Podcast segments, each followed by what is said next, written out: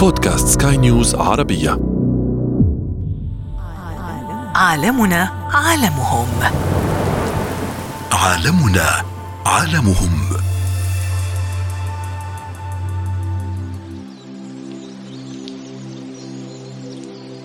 استراتيجية البقاء والفناء والغرائز في عالم الحيوان.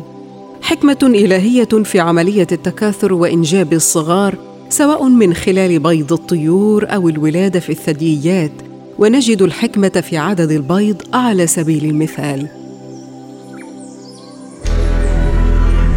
وهنا في حكمة إن هذا الطائر هو معمر يوصل 60 70 سنة أحيانا وبالتالي نتخيل مع بعضنا لو هذا الطائر بيبيض قد ما بيبيض العصافير والحمام. بتبقى مشكلة بيئيه كبيرة قوي لأن هيقضي على كل الطيور الموجودة بقى. لا مش عصافير ولا حمام ولا يمام ولا غيره لأن هيقضي على كل هذه الطيور. ونتساءل لماذا تنتج بعض الطيور عددا محدودا من البيض كالصقور؟ ولماذا تنتج بعض الحشرات كالذباب عددا كبيرا من البيض؟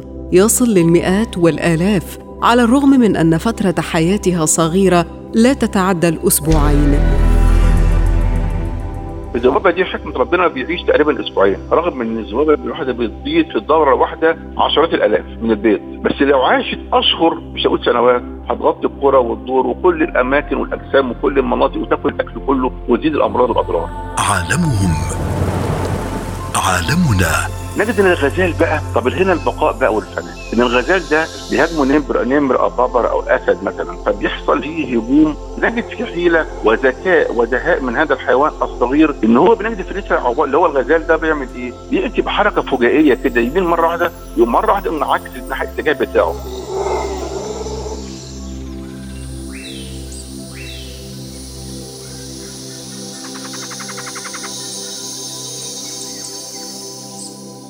المخلوقات بتدافع عن نفسها وبتحمي أصغرها باشرس أنواع الدفاع. فالمقاومة الشرسة من الدجاجة. فبنجد المقاومة الشرسة من الدجاجة وهي بتحتضن صغارها فبتقشع أنيابها وبتخرج مخالب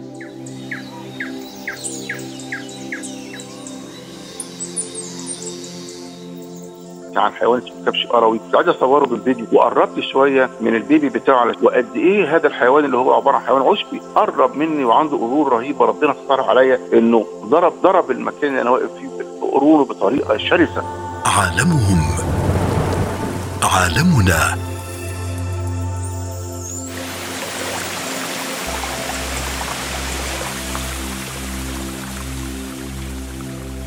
نقترب من غريزة التكاثر مع طبيب البيطريه أستاذ الحياة البرية بكلية الطب البيطري الدكتور جمال مدني. من ضمن الغرائز المهمة في الحيوان التناسل آه عند الحيوان وعند الطائر. يمكن لو إحنا قلنا على التناسل عند مثلا طيور جارحه والطيور العاديه طيور إما طيور آه عشبيه بتاكل أعشاب إما طيور جارحه آه زي ما قلنا الطيور اللي هي الجارحه زي النسور والصقور والبوم. الطيور دي من حكمة ربنا سبحانه وتعالى إنه ميزها بانها تتناسل آه عن غيرها مختلفة عن غيرها. فهي قليلة البيض بتنتج عدد من من البيض قليل وبالتالي عدد من الأفراخ قليل. طبعا لو هي حطت بيض مثلا ست أو سبع بيضات مش كلهم هيطلعوا حتى أفراخ لأن فيهم نسبه نسبة الهاتشابيلتي أو نسبة اللي هو بيسموها الخصوبة. في البيض نجد مثلا نسبة 40 50% 60% إذا لو هي بيضت خمس بيضات ممكن يطلع منهم ثلاث صقور مثلا أفراخ ثلاث أفراخ. اذا عددهم قليل. وهنا في حكمة. الحكمه إيه هي؟ إن هذا الطائر هو معمر بيوصل 60 70 سنة أحيانا وبالتالي نتخيل مع بعضنا لو هذا الطائر بيبيض قد ما بيبيض العصافير والحمام. بتبقى مشكلة بيئية كبيرة قوي لأن هيقضي على كل الطيور الموجوده بقى. لا مش عصافير ولا حمام ولا يمام ولا غيره لأن هيقضي على كل هذه الطيور. فهناك حكمة. الطائر المعمر اللي هو زي الصقور والنسور بتبيض عدد قليل. دي بصفة عامة. الطائر اللي هو اللي. اللي بيعيش قليل بيبقى عنده بيض كتير زي مثلا العصافير أو الحمام. فاللي بيحصل إن هو إيه إحنا عندنا إيه لو حصل إن الصقور باضت كتير قوي هتحرم البشرية من كل أنواع هذه الطيور. على نقيض من ذلك بنجد مش على نقيض من ذلك آسف تأكيدا لهذا الأمر الذباب مثلا. الذبابة دي حكمة ربنا بيعيش تقريبا أسبوعين. العمر كله أسبوعين.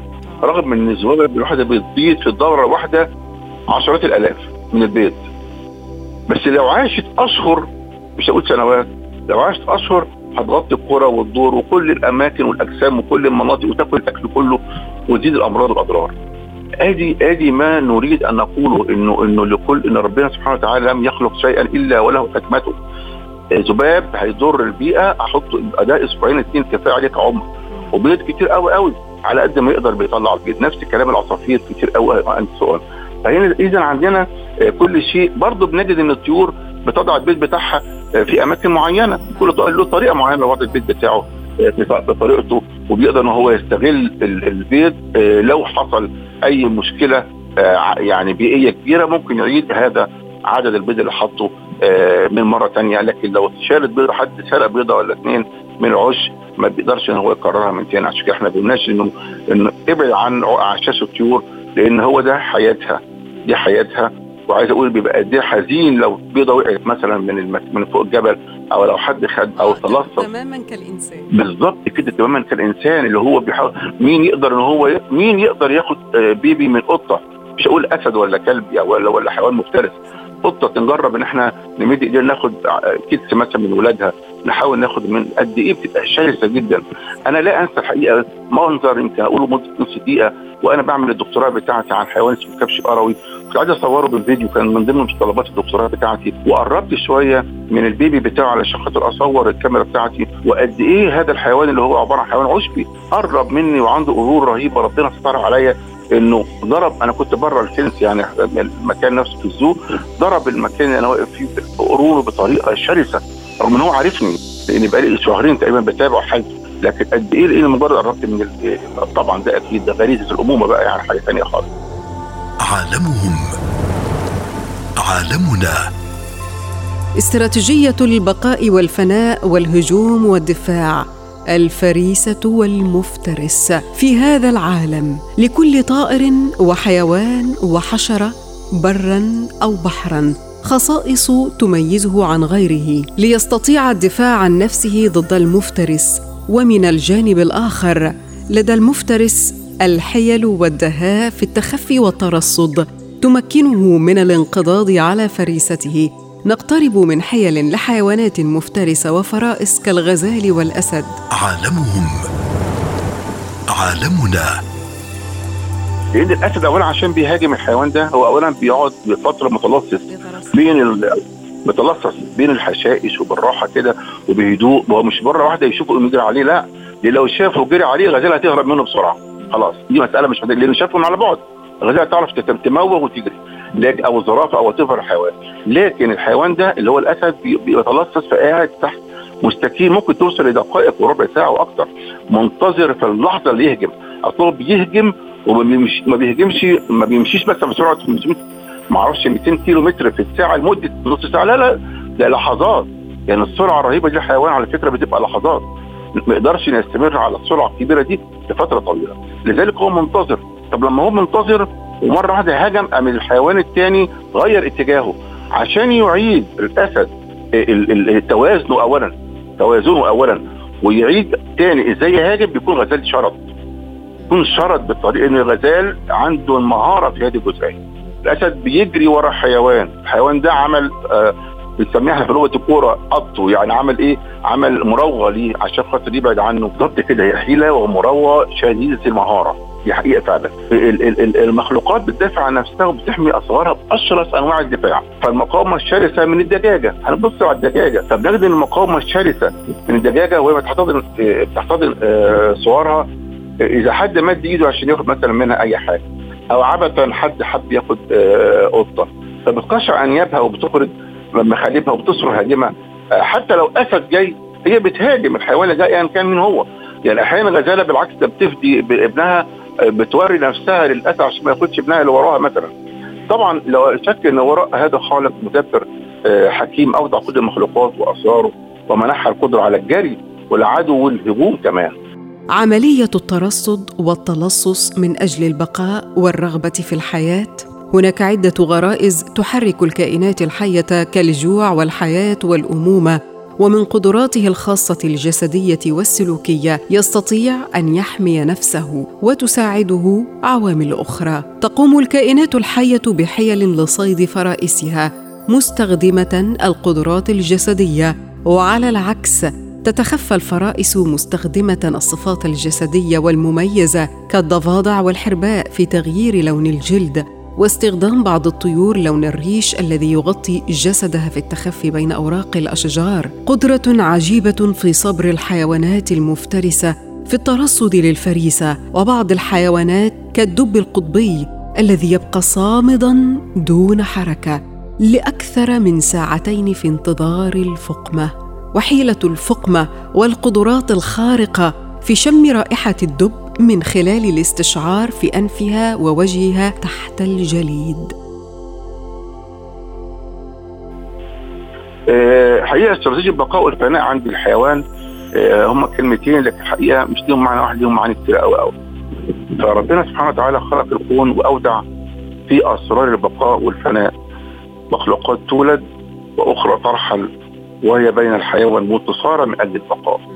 كلمة كبيرة قوي فبنجد إنه كرات الدم البيضاء تطارد الفيروسات والبكتيريا في جسم الإنسان أو الحيوان.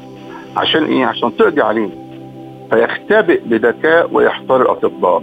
يعني بنجد إن هذا الفيروس أو هذه البكتيريا اللي عانينا منها وبنعاني منها ما ديننا إنها اختفت وان هو بدأت إنها إيه؟ كرات الدم البيضاء ما قدرتش عليها المقدرة الكاملة. اذا ده عايش علشان خاطر يضر حد آه الأكل. لكن هو بقاء موجود عنده لكن الدفاع موجود عند الإنسان بيتضرب في كرات الدم البيضاء. الحيوان بتباغت بعضها البعض واللحظة بنجد إن الهجوم تحول إلى دفاع. ده ذكاء فطر ربنا سبحانه وتعالى اودعه في الكائنات كلها عشان تعيش وعشان يتحقق الهدف من الخوف. ورأينا دوت كتير قوي في حيوانات بتفترس بعضها البعض فمثلا بنشوف التمساح اللي بيختبئ تحت المية ومنتظر أي لحظة يأتي الغزال علشان يشرب في الماء في المية فبالتالي يقوم مباغته مرة واحدة. أو إذا هو. هنا التمساح مع ظائر عشب مع حيوان عشب إذا هيهجم عليه إذا هيقدر عليه. لحد أو ما يقدرش يهرب مفيش مشكلة. لكن هنا هنا هجوم ودفاع فقط. لكن تعالوا نشوف بقى حاجة اسمها هجوم ودفاع ويتحول الهجوم إلى دفاع والدفاع إلى هجوم. إزاي؟ إن مثلا نفترض إن إن إن التمساح مستخبي تحت المية واللي واقف عشان يشرب مية هو النمر. هو الفهد في الحالة دي النمر بيهاجم ال ال ال ال ال ال الأول بيهاجم التمساح بيهاجم النمر الأول. فالنمر بطبيعته هجومية فبيدافع عن نفسه الأول ثم بعد ذلك يبدأ إيه؟ يهاجم على التمساح. أصبحت معركة شرسة بين اثنين مفترسات بين اثنين مفترسات عشان إيه؟ عشان البقاء اذا هو الحالة دي يصير الدفاع والهجوم متبادل بينهما لينتصر مفترس على مفترس. الذي يصير فريسة لحظة تبادليه لتكتمل الحلقة حلقة كاملة متكاملة فيها فريسة وفيها مفترس وفي الاصل مفترس أصبح فريسة لهذا المفترس نجد إنه ينقض مثلا صقر الشاهين بينقض على فريسته بسرعة بتصل لأكثر من 300 كم تقريبا في الساعة. ده كله بيتكلم على البقاء والفناء ما ده بقاء هو بيبقى بهذه الصورة والفناء للفريسة الأخرى طبعا. طيب إذا كان. الصقر بيهجم على فريسته بهذه السرعة 300 كم طب فما كيف لا تتخلص منه؟ إذا كانت دي السرعة الرهيبة اللي هو نازل بيهجم بيها على فريسته. أنا بقول إن الصقر ده والشاهين من ضمن الحاجات اللي هي الجامدة قوي قوي اللي يقدر هو يصطاد فريسته بصورة شرسة. نجد إن الغزال بقى طب هنا البقاء بقى والفناء، هنا البقاء بقى إزاي؟ ودي شفناها الحقيقة يمكن في لقطات كثيره جدا إن الغزال ده الحيوان الجميل الممسوك القوام صغير الحجم نسبيا بيهاجموا نمر نمر أو طبر أو أسد مثلا وهو بيقوم مثلا بالشرب من من, من عند المية أو هو بيرعى. فبيحصل هي هجوم من هذا الحيوان المفترس. نجد في حيلة وذكاء ودهاء من هذا الحيوان الصغير إن هو بنجد فريسه اللي هو الغزال ده بيعمل إيه؟ بيأتي بحركة فجائية كده. يمين مرة واحدة يقوم مرة واحدة يقوم عكس الناحيه الإتجاه بتاعه. يقوم الأسد أو النمر بالظبط كده. يغير اتجاهه بطريقة شرسة وبالتالي يقف الاتجاه التاني بسرعة رهيبة. وكأنه أنا بشبهه بلاعب كرة أمهر لاعب كرة في العالم دون ذكر أسماء. يعني حاجة ماهر بشكل غير عادي. عالمهم عالمنا. مفترس وفريسة سخر الله للكائنات الحية استراتيجية البقاء والفناء والهجوم والدفاع من أجل الحياة وتحرك غريزة الامومه غرائز أخرى. لدى كل الكائنات الحية. نسلط في عالمنا الضوء على عالمهم ونقترب من غرائزهم الطبيعية التي تبقيهم أحياء في هذا العالم على كوكب الأرض. عالمهم عالمنا.